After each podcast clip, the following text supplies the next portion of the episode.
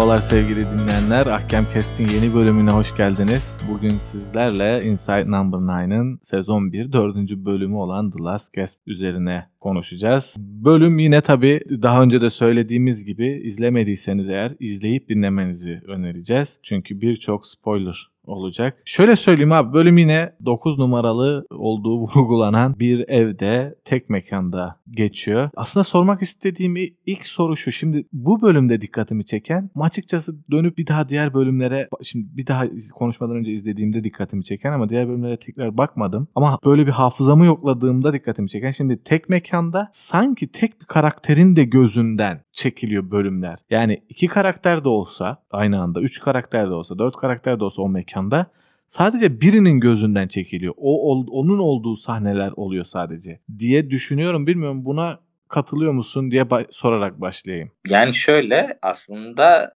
Usual Suspect iki tane oyuncumuz direkt her her bölümde başrolde ve hani bunlar başrolde olduğu için genellikle hani hikaye onların üstünden dönüyor. O bir gerçek ama bu her zaman da hani böyle mi ilk ilk bölümde biraz yan karakter gibilerdi. Hani o hikayenin ana hikayenin içinde değillerdi ama diğer bölümlerde evet biraz e, bu karakterlerimizin üstünden dönüyor ve şöyle bir durum var. Mesela bu bölümde bu yani e, her, her bölümde iki tane ana karakter oluyor. Özellikle bu bölümde Reese Shearsmith'in oynamadığı tek bölüm sanırım şu ana kadar yani yayınlanan bölümler içinde de 6 sezon içinde de olmadığı tek bölüm. Sanırım Pemberton'ın da olmadığı bir bölüm var. Onun dışında hep ikiliyi görüyoruz. Hani bu, bu bölümde de mesela iki tane aslında başrol oyuncusu yok. Yani belki koruma rolünü oynayabilirdi ama e, bunun dışında iki tane baş karakter olmadığı için kişi devam etmiş olabilir yani. Ha belki de ondan öyle bir izlenime kapılmış olabilir. Bak çok doğru. Yani e, burada ikisi bir arada değil. O yüzden tek bir kişinin perspektifindenmiş gibi. Evet abi filme şeye geçecek, bölüme geçecek olursak bu sefer ben kısaca bir tanıtım yapayım. Bölümde bir doğum günü söz konusu, bir kızın doğum günü söz konusu ve anne ve baba aynı zamanda bir hastalıkla da mücadele eden kızlarını bir anlamda şekil itibariyle mutlu etmek için ama diğer taraftan kişisel arzular özellikle annenin kişisel arzuları da tatmin olsun diye ünlü birisini bir televizyon programı aracılığıyla evlerine doğum günü kutlamaya davet etmeleriyle başlayan ve televizyon şekilde... programı değil bir tane charity amacıyla yani şey hayır kurumu üzerinden çağırıyorlar. Hayır kurumu üzerine. Ben zannettim bu TV show diye yapar. TV show değil. Hayır kurumu. Yani o olayı biraz daha ka- karmaşıklaştırıyor o yüzden. Aynen öyle. Kesinlikle öyle. önemli. Kesinlikle öyle. Çünkü kadının o o gelen acımasız kadın aslında hayır kurumunun bir elemanı ve o yüzden hani birçok bu olayı yapıyor. işi bu ama e, işlerinde en acımasız da o. Ha hatta bu şeylerle televizyoncularla ilk girişteki on domuz ve şey demesi şimdi daha bir şey oldu. E, domuz ve bir şey diyorlar onlara da. O şimdi daha anlamlı. Evet dedi. Bu bir hayır kurumu. Evet, hayır kurumu aracılığıyla bu birisini getiriyorlar. Bu getirdikleri ünlü kişi de evde kıza kutlama amacıyla şişirilen balonlardan birini şişirirken ölüyor ve balonun içine de son nefesi dolmuş oluyor. Ve o balon kendi başına unik değerli bir eşya haline geliyor önceki NFT bölümünde anlattığımız gibi yani gayet önemli bir collectible haline geliyor. Kesinlikle ve ondan sonra ama mesela yine hani aynı konuyu biraz uzatabiliriz belki şu anda. Hani mesela bu gerçek bir collectible mı? Hani bunu bunu hani tamam kanıtladım. Orada başka örnekler de var. Onlara evet. kıyasla istiyorsan. evet şey dizi içinde bir sürü hani Justin Bieber'ın saçı e, işte Elvis'in saçıydı sanırım. Elvis'in saçı 120 bindi. İşte kullanılmış peçeteler, çeşitli çeşitli ürünler mevcut. Hani evet hani bir collectible konusunun doruk noktası yani ölen birinin son nefesi ve hani son nefesini e, sakladık ve bu bir artık bölümde bir para geçmiyor herhalde değil mi? Yani bir milyon yani bir, bir bir para yok ama anladığımız hani e, yaptıkları araştırmadan her birinin böyle e, oldukça yüklü bir para alabilecekleri bir fiyata sat, satmayı umuyorlar. Evet yani bahsi geçen isimlere kıyasla çok popüler olan ve son nefesi olması nedeniyle de çok orijinal bir hikayesi olduğundan zannedersem. Çok çok yüklü bir fiyat bekliyorlar. Burada peki yine konuya dair işte değerli bir olmasından dolayı bunu değerlendirmek istiyorlar. Bunu bir dolandırıcılık olarak veya kötüye kullanma olarak düşünebilir miyiz sence? Yani e, orada şöyle bir söz söylüyor çünkü onu o çok dikkatimi çekti. We didn't start the fire diye. Yani buna insanlar zaten değer veriyorlar. Onun saçına, bunun kıçına, öbürünün bilmem nesine. Madem öyle biz de bundan yararlanalım. Bu işi biz başlatmadık ki. Yani biz bunun bu yangının şey değiliz, sorumlusu değiliz. Sadece bundan e, kendimize pay biçmeye çalışıyoruz. Veya o kadının gene işte o zenginler veya ünlüler veya işte kimse kimlerse onlar uçaklarına binip giderken benim isteklerim, arzularım ne olacak gibi. Yani bir kere biz bu hikayenin içindeyiz, bu oyunun içerisindeyiz. Sıra bize geldi, değerlendirelim diyorlar. Bu anlamda bakacak olursak hiç hak verebiliyor musun e, bu şeylere? Burada e, şey kısmı önemli. Yani biraz gene spoiler vereceğiz. Yani bence o Frankie'nin tekrar dirilip nefes aldığını anladıkları ana kadarki kısmı ben hakları görüyorum. Yani orada gerçekten bir suçları yoktu. Gerçekten o anda birisi öldürdü ve hani e, orada bir hani kayıt kaydın tersten çalışma durumu var. Yani kadın çekmek istediklerini çekemiyor videoda beceremediği için ama çekmek istemedikleri kısımlarda kayıt sürekli record halinde. O yüzden hani ellerine de aslında bir delil var kendilerinin öldürmediğine dair.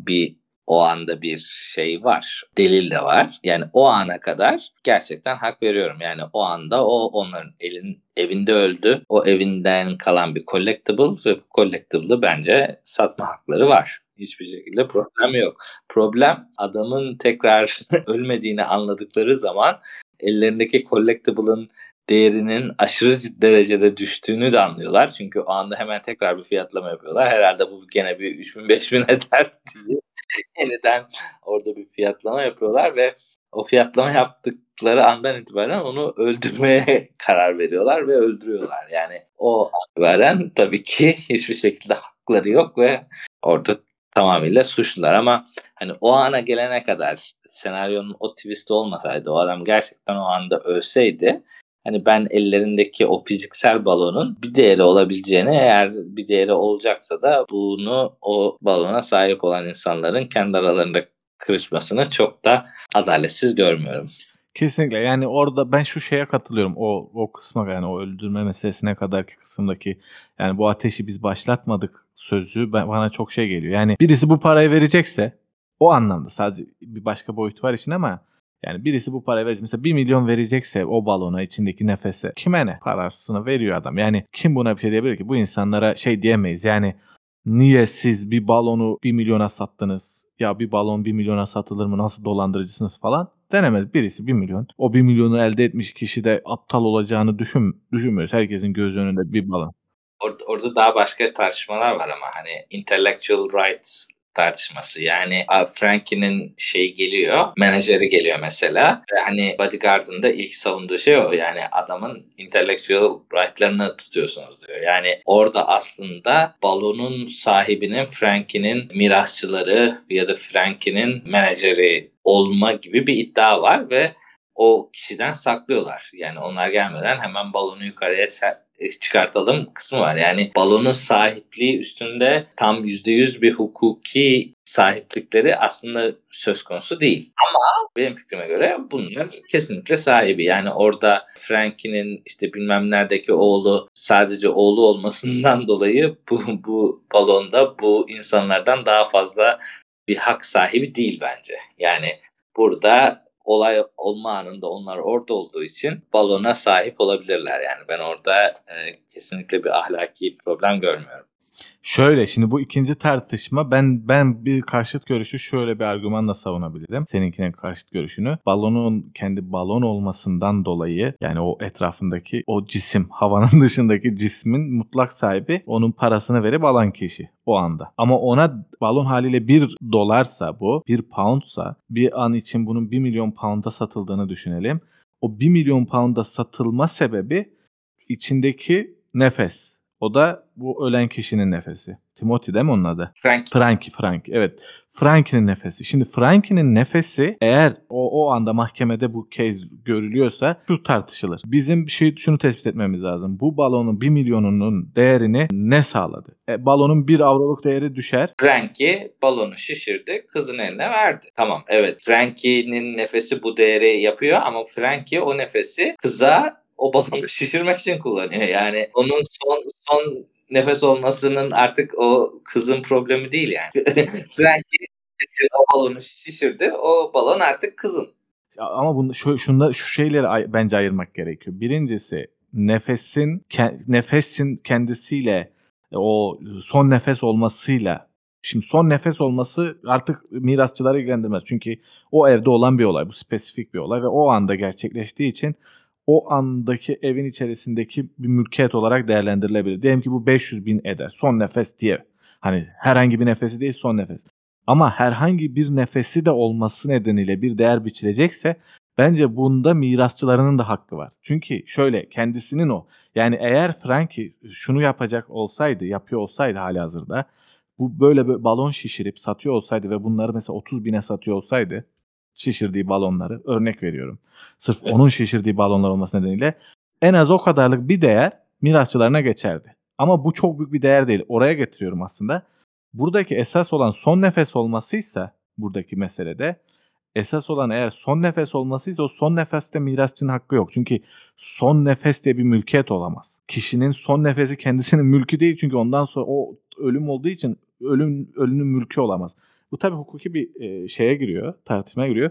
Hukukiden öte biraz bence ahlaki bir tartışma da var. Yani orada bence property haklarının çok yanlış anlaşıldığı durumlar var. İşte mesela Türkiye'de de karikatüristler e, sen hani karikatürünü işte bir tane web sitesine bilmem nereye koydun diye senin hakkında dava açıyorlar ve şey yapıyorlar. Yani O, o şimdi şöyle intelektüel property'de değişiyor. Ben ona inanan birisi değilim. O, o yüzden onun farklı argümanlar ama eğer bir an için böyle bir bir mülkiyet olduğunu kabul edersek ben kabul etmiyorum ama o farklı bir tartışma. Burada bence tamamen mülki bir tartışma var ortada. mülki mi? İşte gene bu da intellectual property gibi bir şey yani. Yok e, intellectual property değil abi doğrudan bir nefes var orada somut bir şey var. Tamam da nefes nefesini sen gidip mülkünü şey yapmamışsın ki yani. Sen sadece orada hani balonun içinde olduğu için ve orada record edilen şey aslında sen orada record edilen videoya parayı veriyorsun.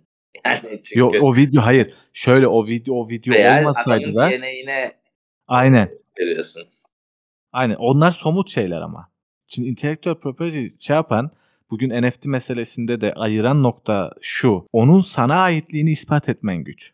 Yani o düşüncenin, o fikrin sana ait olduğunu ispat etmen, senden ibaret, seninle mütemmim cüz olması lazım. Intellectual property'nin en büyük sıkıntısı bu. Yani bir kişi bir fikir atıyor ortaya. Diyor ki ben böyle bir fikir, bu fikir bana ait. Ama o fikri oluştururken kullandığı birçok kaynak var. Onların hiçbirisiyle bir takas ilişkisine girmemiş. Öbür taraftan bir başka kişinin de aynı kaynaklarla temas etmeden doğrudan kendisinden o fikri aldığına dair bir iddia atması durumunda ortaya. Mesela bugün örnekler vereyim. Birçok farklı örneği var.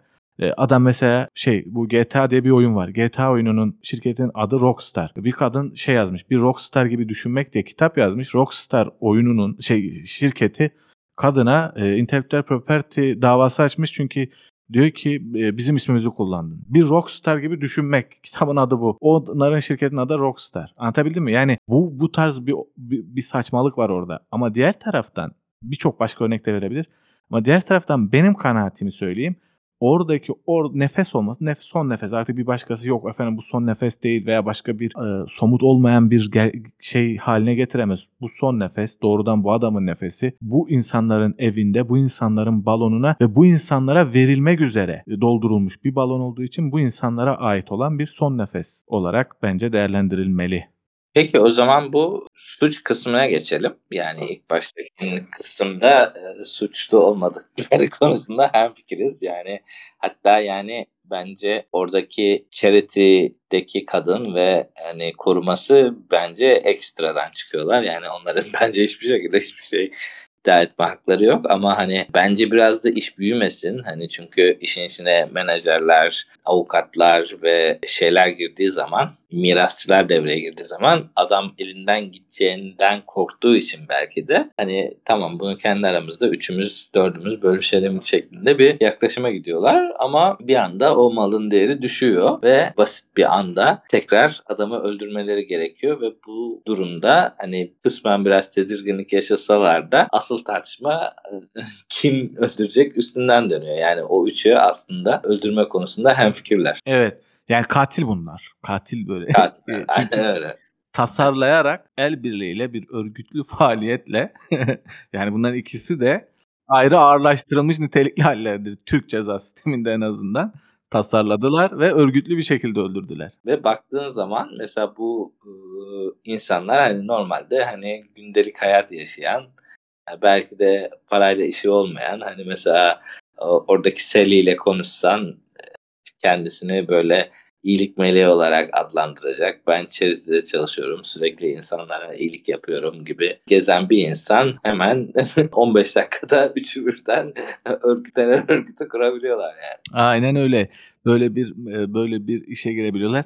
Burada aslında şu var. insanların birçok belki suç suç olayına ayrı ayrı baktığımızda biz şu tespitler yapılıyor. Çalışmalar var. Yani ceza hukuku içerisinde özellikle krim, kriminoloji derslerinde bunu görüyoruz. Yani bir grup suça eğilimli insanların daha sonradan suça eğilimli çocuklar yetiştirdiği ve çocuklarının da aynı şekilde ya genetik nedenlerle kimilerin iddiasına göre kimilerin iddiasına göre ekonomik nedenlerle yani aynı suçlu çevrede büyüyen insanın suça karşı eğilimli olması normal olduğunu düşünenler falan. Bir sürü böyle iddialar ama genel anlamda birçok suça baktığımızda, birçok işlenmiş suça özellikle cinayetlere aslında biz arkasında spesifik bir neden göremiyoruz. Yani o an o insanın o cinayete yönelmesinde genellenebilir bir neden göremiyoruz. Yani bu insanlar bir anda katil olabiliyor ve bu aslında çok korkunç da hikaye çıkarıyor ortaya. bizi katil yapmaya götürecek şeyin de biz şu an farkında değiliz belki ama öyle bir şey olabilir. Yani bizi bir anda bir şey katil yapabilir. Böyle şey bir tarafı var ama diğer taraftan da şu anlamda da dediğin doğru. Böyle iyilik meleği gibi görülen insanların da bu şekilde katil olmaya mesafeleri iyilik meleği gibi görünmeyenler kadar az belki de yani. Onu söylemek gerekiyor yani. Ve burada mesela çok güzel bir örnek. Mesela anne figürü var ve bir tane de çocuk var. Yani işle, işlerinde en akıllısı çocuk aslında ve en insan olan çocuk zaten ölmek üzere hani 9. yaş günü sanırım ve hani son yaş günü mü belli değil bir hastalığı var ve o yüzden hani biraz daha tabii malda mülkte gözü yok diyebiliriz ama hani işlerinde en olayın e, durumun farkında olan bir o bir de anne var. Aslında normalde o üçlü çete dahil değil. Normalde üç, o üçlü karar alan insanların arasında değil. Ama mesela olay olduğu anda adam olayın oraya gittiğini anlıyor. Yani adamın yaşadığını anladıkları anda işte evin babası hadi çocuğu götür diyor. Çocuğu götür deyince hiç itiraz etmeden, hiçbir şey yapmadan, ne yapıyoruz ne ediyoruz demeden alıyor çocuğu götürüyor. Orada da hani birebir suç ortaklığı aslında annede de var. Yani o aslında o üçlünün arasında değilmiş gibi gözüküyor ama bir anda o da hadi ölmek üzere olan çocuğunu alıp dışarı çıkıp hadi biz işimize bakalım baba da işine baksın şeklinde bir anda sessiz bir anlaşmayla hepsi birden aynı şeyi düşünüyor.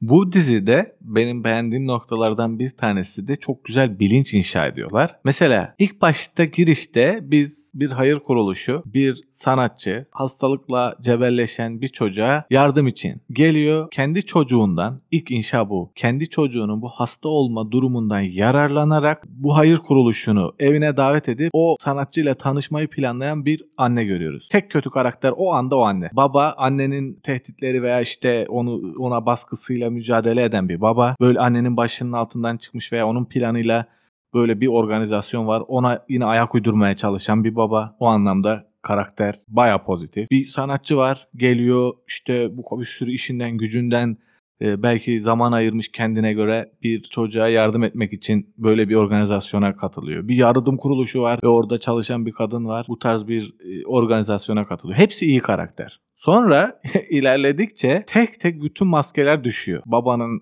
bir anda ne kadar kötüleşebileceğini ve en sonunda tek kötü karakter olan anne neredeyse kızdan sonra ki en masum e, yardım kuruluşunun temsilcisi üzerinden diyor ki ya zaten bu beyin şeyi geçirdi, kanaması geçirdi. Bir, bir yatağa bağlı bir şekilde e, belki de e, bir iki sene yaşasa bile yaşamından hiçbir tat almayacak bir şekilde ne konuşabilecek, ne yürüyebilecek, ne yemek yiyebilecek, kolundan iğneyle bir şey verecekler. Bu şekilde yaşayacak. O yüzden yaşamasının şu anda baktığımız zaman bizim buradan elde edeceğimiz menfaat kadar değeri yok diye bir şey söylüyor mesela. İnsan o an bir anda diyor O ki zaten en şeytan karakter o. Şimdi ama bak tam bunu bu bu şekilde düşünülüyor. Ben ama bunu bu şekilde düşündükten sonra biraz daha düşündüm. Ama bu meselede bu şeyin para edebileceğini en son düşüren o diğerlerine nazaran.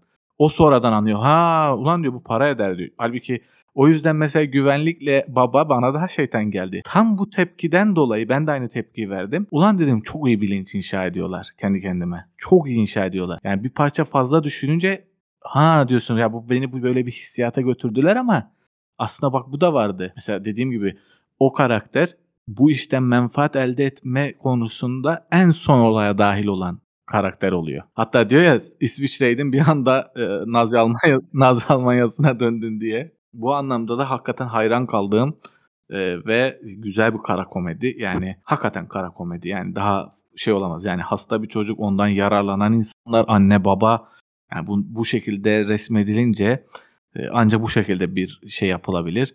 İşte güya yardım etmeye gelmiş ölmüş bir adam. Düşünsene birisi senin evine sana yardım etmek için ünlü bir insan geliyor. Ölüyor. Sen bir de yamyam gibi onun ölüsünden de bir şeyler. Burada ek bir evet bir detayı aslında eklemem eklemek lazım. Hani burada hani zengin ve ünlü insanların aslında hani ne kadar güvensiz bir hayat yaşadıklarını da biraz gösteriyor. Yani tabi burada ne için üzülecek değiliz yani kendilerine e, bunu ö- önlemek için bir sürü parası ve e, gücü var. Ama hani bahsettiğin gibi hani biz size hayranız şey yaparız diyen insanların da ilk bir saniyede hemen ben bu adamın ününü nasıl paraya çeviririm, kendime nasıl e, fayda elde edebilirim gibi e, düşünmesine direkt dönüşüyor ve günün sonunda aslında adamı koruması öldürüyor. Yani kendisi kendisini koruması için para tuttuğu adam geliyor kendisi bir anda iki tane ortak bulduğu zaman bir anda onu öl- öldürebiliyor. Yani hiç ummadığı bir yerde e, koruman tarafından öldürülebiliyorsun yani. Burada da aslında hani bu tip ünlü insanların da dışarıya karşı bu kadar şüpheci olmasını biraz açıklayan bir durum bu yani. Normalde sen bu kadar güç sahibiysen etrafındaki insanların bu güçten faydalanacağını düşünüyorsun ve bundan dolayı sürekli bir tetikte oluyorsun ve kendi içine daha çok kapanıyorsun. Evet yani bu doğru. Zaten burada burada genel olarak işte hani bu hikayede de olan insanın kötü olmaya ne kadar hızlı şey yapabileceği, evrilebileceği ve ortadaki menfaatin, oluşabilecek menfaatin büyüklüğünün işte zengin, ünlü mesela diyelim ki çok ünlü birisi adam diyor ki ulan diyor ben diyor bir an için böyle bununla aynı karaya girebilsem, burada bir olay çıkarabilsem, ne bileyim başına bir taş atabilsem ben de ünlü olacağım falan. Bu tarz bir meselede ya da bir anda bir kimsenin işte hakkında bir dedikodu yayabilsem ve o dedikodunun tarafı da ben olsam e, çok ünlü olacağım. Velev ki bu kimsenin şeyi çizilmiş olsun, e, kariyerinde bir sıkıntı çıkmış olsun. Sonuçta ben onun kariyerindeki bir parça çizilmeden dolayı ben çok ünlü, çok zengin olabileceğim veya var olan durumum daha iyi bir noktaya gidebileceğim. Çünkü orada bir değer yaratılmış durumda. Ve diğer taraftan bu söylediğimize ek olarak o yerde ölüyken korumasının söylediği ya şerefsizin biriydi buraya gelirken de çok söylendi sözü üzerinden inşa edilen şey de bugünün ünlüleri için, zenginleri için e, inşa edilmiş durumda. Yani hali hazırda bu insanlar iyi, korunması gereken, değerli insanlar değil. Kim umursar? Yani bir ünlü işte aklımıza gelsin o ünlülerden. Zaten bir rezilliğe çıkacak, rezil olacak insanlar. Varsın bir tane benim oyunumla rezil olsun. Ne olacak yani ben gideyim bir fotoğrafını çekeyim. Bir kısım insanın bunu düşünmeden alıkoyacak bir şey yok. Yani diyor ki bu işte çok ünlü bir şarkıcı. Zaten salak saçma bir sürü videoları vardır bunun. Bir sürü suç işlemiş. Şuna buna sarkıntılık etmiş. Yani sarkıntılıktan öte tacizi var bilmem nesi var bir şey var. Ben bununla takılayım bir videoya alayım servis edeyim bunu. Ondan sonra patlatayım. Zaten bunu yapan birisi. Şimdi Roma hukukunda, eee, bir karakter var, hukuk dışı bir karakter var. Bu hukuk dışı karaktere karşı sen suç işleyemiyorsun. Çünkü suç bu ama işledikten sonra ceza da almıyorsun. Çünkü hukukun dışında olduğu için. Bunu Agamben işliyor. O şeyini ka- karakterin Agamben'in söylediği bir şey var, adı var ama günümüzde bir kısım insan böyle bir durumda. Yani zaten halihazırda suça açık oldukları için ya da belli suçları işledikleri için sen onun mesela hakkında bir videoyu yaysan toplum nazarında bu yanlış. Bunu yapmaman lazım o videoyu yayana kadar ama yaydıktan sonra da kimse seni suçlamaz. Neden? Çünkü zaten bu insanlar o suçları işleyen ya da o işleri yapan insanlar. Zaten video gerçek yani. O gerçek. Evet. Yani sen mesela bir kurgu e, gibi mesela diyelim ki bir kadınla bir erkek, bir adam, bir kadını veya bir kadın bir adamın birlikte oldukları videosunu çekti. Bir anda servis etti bir şekilde ve ünlü oldu, patladı gitti. Kimse iki tarafta hangisi ünlüyse daha önce ikisi için de şey demiyor. Ya bu vay gizli görüntüleri alındı falan demiyor. Bunu ancak benim senin gibi tamamen deontolojik olarak özel hayatın gizliliğini ihlal olarak değerlendirecek insanlar değerlendiriyor. Onun dışındaki insanlar için ya bu adam zaten şunla bunla şu işleri yapmış bir insandı. Bu ister bu görüntüler bilinçli olarak alınsın, ister bilinçsiz olarak alınsın. Ne şekilde olursa olsun zaten bu böyle şerefsizin tekiydi deyip konuyu kapatıyor. Neyse kaset skandallarına girmeyelim daha fazla. Biraz konu oraya gitti değil mi? Konu oraya gitmesin daha fazla burada dursun. Evet Ee, ama genel olarak katılıyorum yani görüşlerine. Burada hani e, burada e, eklemek istediğim son bir şey var. Yani biraz hani plot hole gibi kalıyor. Yani Inside Number 9'a yakıştıramadığım için bu son şeyi ekliyorum. Yani e, bölümün sonunda kız bir uçan balona e, balonunu bağlayıp gökyüzüne doğru salıyor. Yani o balonu e, kaybediyorlar. Fiziksel şeyi kaybediyorlar. Ve hani bütün yaptıkları hani sanki yanlarına kar kalmadığı gibi bir e, sona bağlanıyor. Ama hani bu videonun varlığından da aslında diğer balonları da e, adamın DNA'sına bulaştırdıkları için aslında ellerinde en az bir balon daha var. Tabii ki. Hani orada bir aslında kötü bağlanmıyor. Ellerinde bir yedek balon var. Onu aslında unutmamış olmaları lazım ama hani verdikleri son seyirciye verdikleri imajda hani sanki her şey kaybedilmiş gibi bir durum var ama ellerinde en azından hala bir balon var yani. Evet şey de var belki birazcık zorlama yorum olarak ellerindeki o video kas, ka- görüntü yani ilk bayılma ha- anı. Ben ama şunu şunu da merak ediyorum. O kamera sanki şey sırasında da oradaydı. İkinci öldürme Tabii ki. sırasındaydı. Aynen öyle. O da var. O da var, değil mi? o yüzden hani mesela bir tane ortağı da düşürebilirler. Aynen öyle. Yani bu, bu tarz şeylere de açık bir e, son final oluyor. Bu tarz düşüncelere de açık bir final yani. E, bitirelim abi istiyorsan puanlayalım tabii ki. E, istersen bu sefer önce sen puanla. Ee, yani ben benim çok favori olduğum bölümlerden biri değil. Yani dediğim gibi yani şey açısından güzel şeyler düşündürüyor. Özellikle yani insanların suça teşviki ve hani e, çok kolay bir şekilde suça karışabilmelerini bence çok güzel anlatmış. Yani uzun uzun suç ve ceza okumaya gerek yok. 30 dakika içinde çok kısa bir şekilde sana en e, basit bir şekilde bu tonton amcanın, babanın, işte kızı ölüm döşeğindeki babanın, işte charity'de çalışan kadının bir anda kendilerini bir e, olayın ortasında bulabileceğini bence çok güzel anlatan bir bölüm. Ama hani bunun dışında da çok bir numarası olmayan bir bölüm diye düşünüyorum ve hani IMDB'de de 7 diye oylamışlar. Ben de 7'yi veriyorum. Yani e, şöyle aslında 3. bölümden sonra bu bölümün gelmesinden midir yoksa Evet biraz o şanssızlık var. evet bir Share Smith'in olmamasından mı? Şimdi e, tamam. O da olabilir. Evet. Yani mesela e, Frankie'yi ya da Bodyguard'ı oynasa Bodyguard'ı kesin oynardı yani. Yani e, çok daha iyi bir bölüm olabilirdi. Kesinlikle Bodyguard'ı oynasaymış. Ama Bodyguard da yani Sheer Smith gibi de bir Bodyguard vardı yani. Kısa boylu, beyaz. Çünkü karşı tarafı da, şey yapacaksın. Hani Bodyguard'ın normalde karşı tarafı korkutması lazım. Yani çok korkutucu bir tipi yok maalesef. O yüzden. Yani Frankie oynayabilirdi. O da işte onun da rolü çoğu yatmakla geçtiği için yani biraz sıkıntılıydı. Aynen öyle. Yani o bu sebeplerle belki ben de aslında bu sefer 6 veriyorum. Yani 10 üzerinden 6 veriyorum.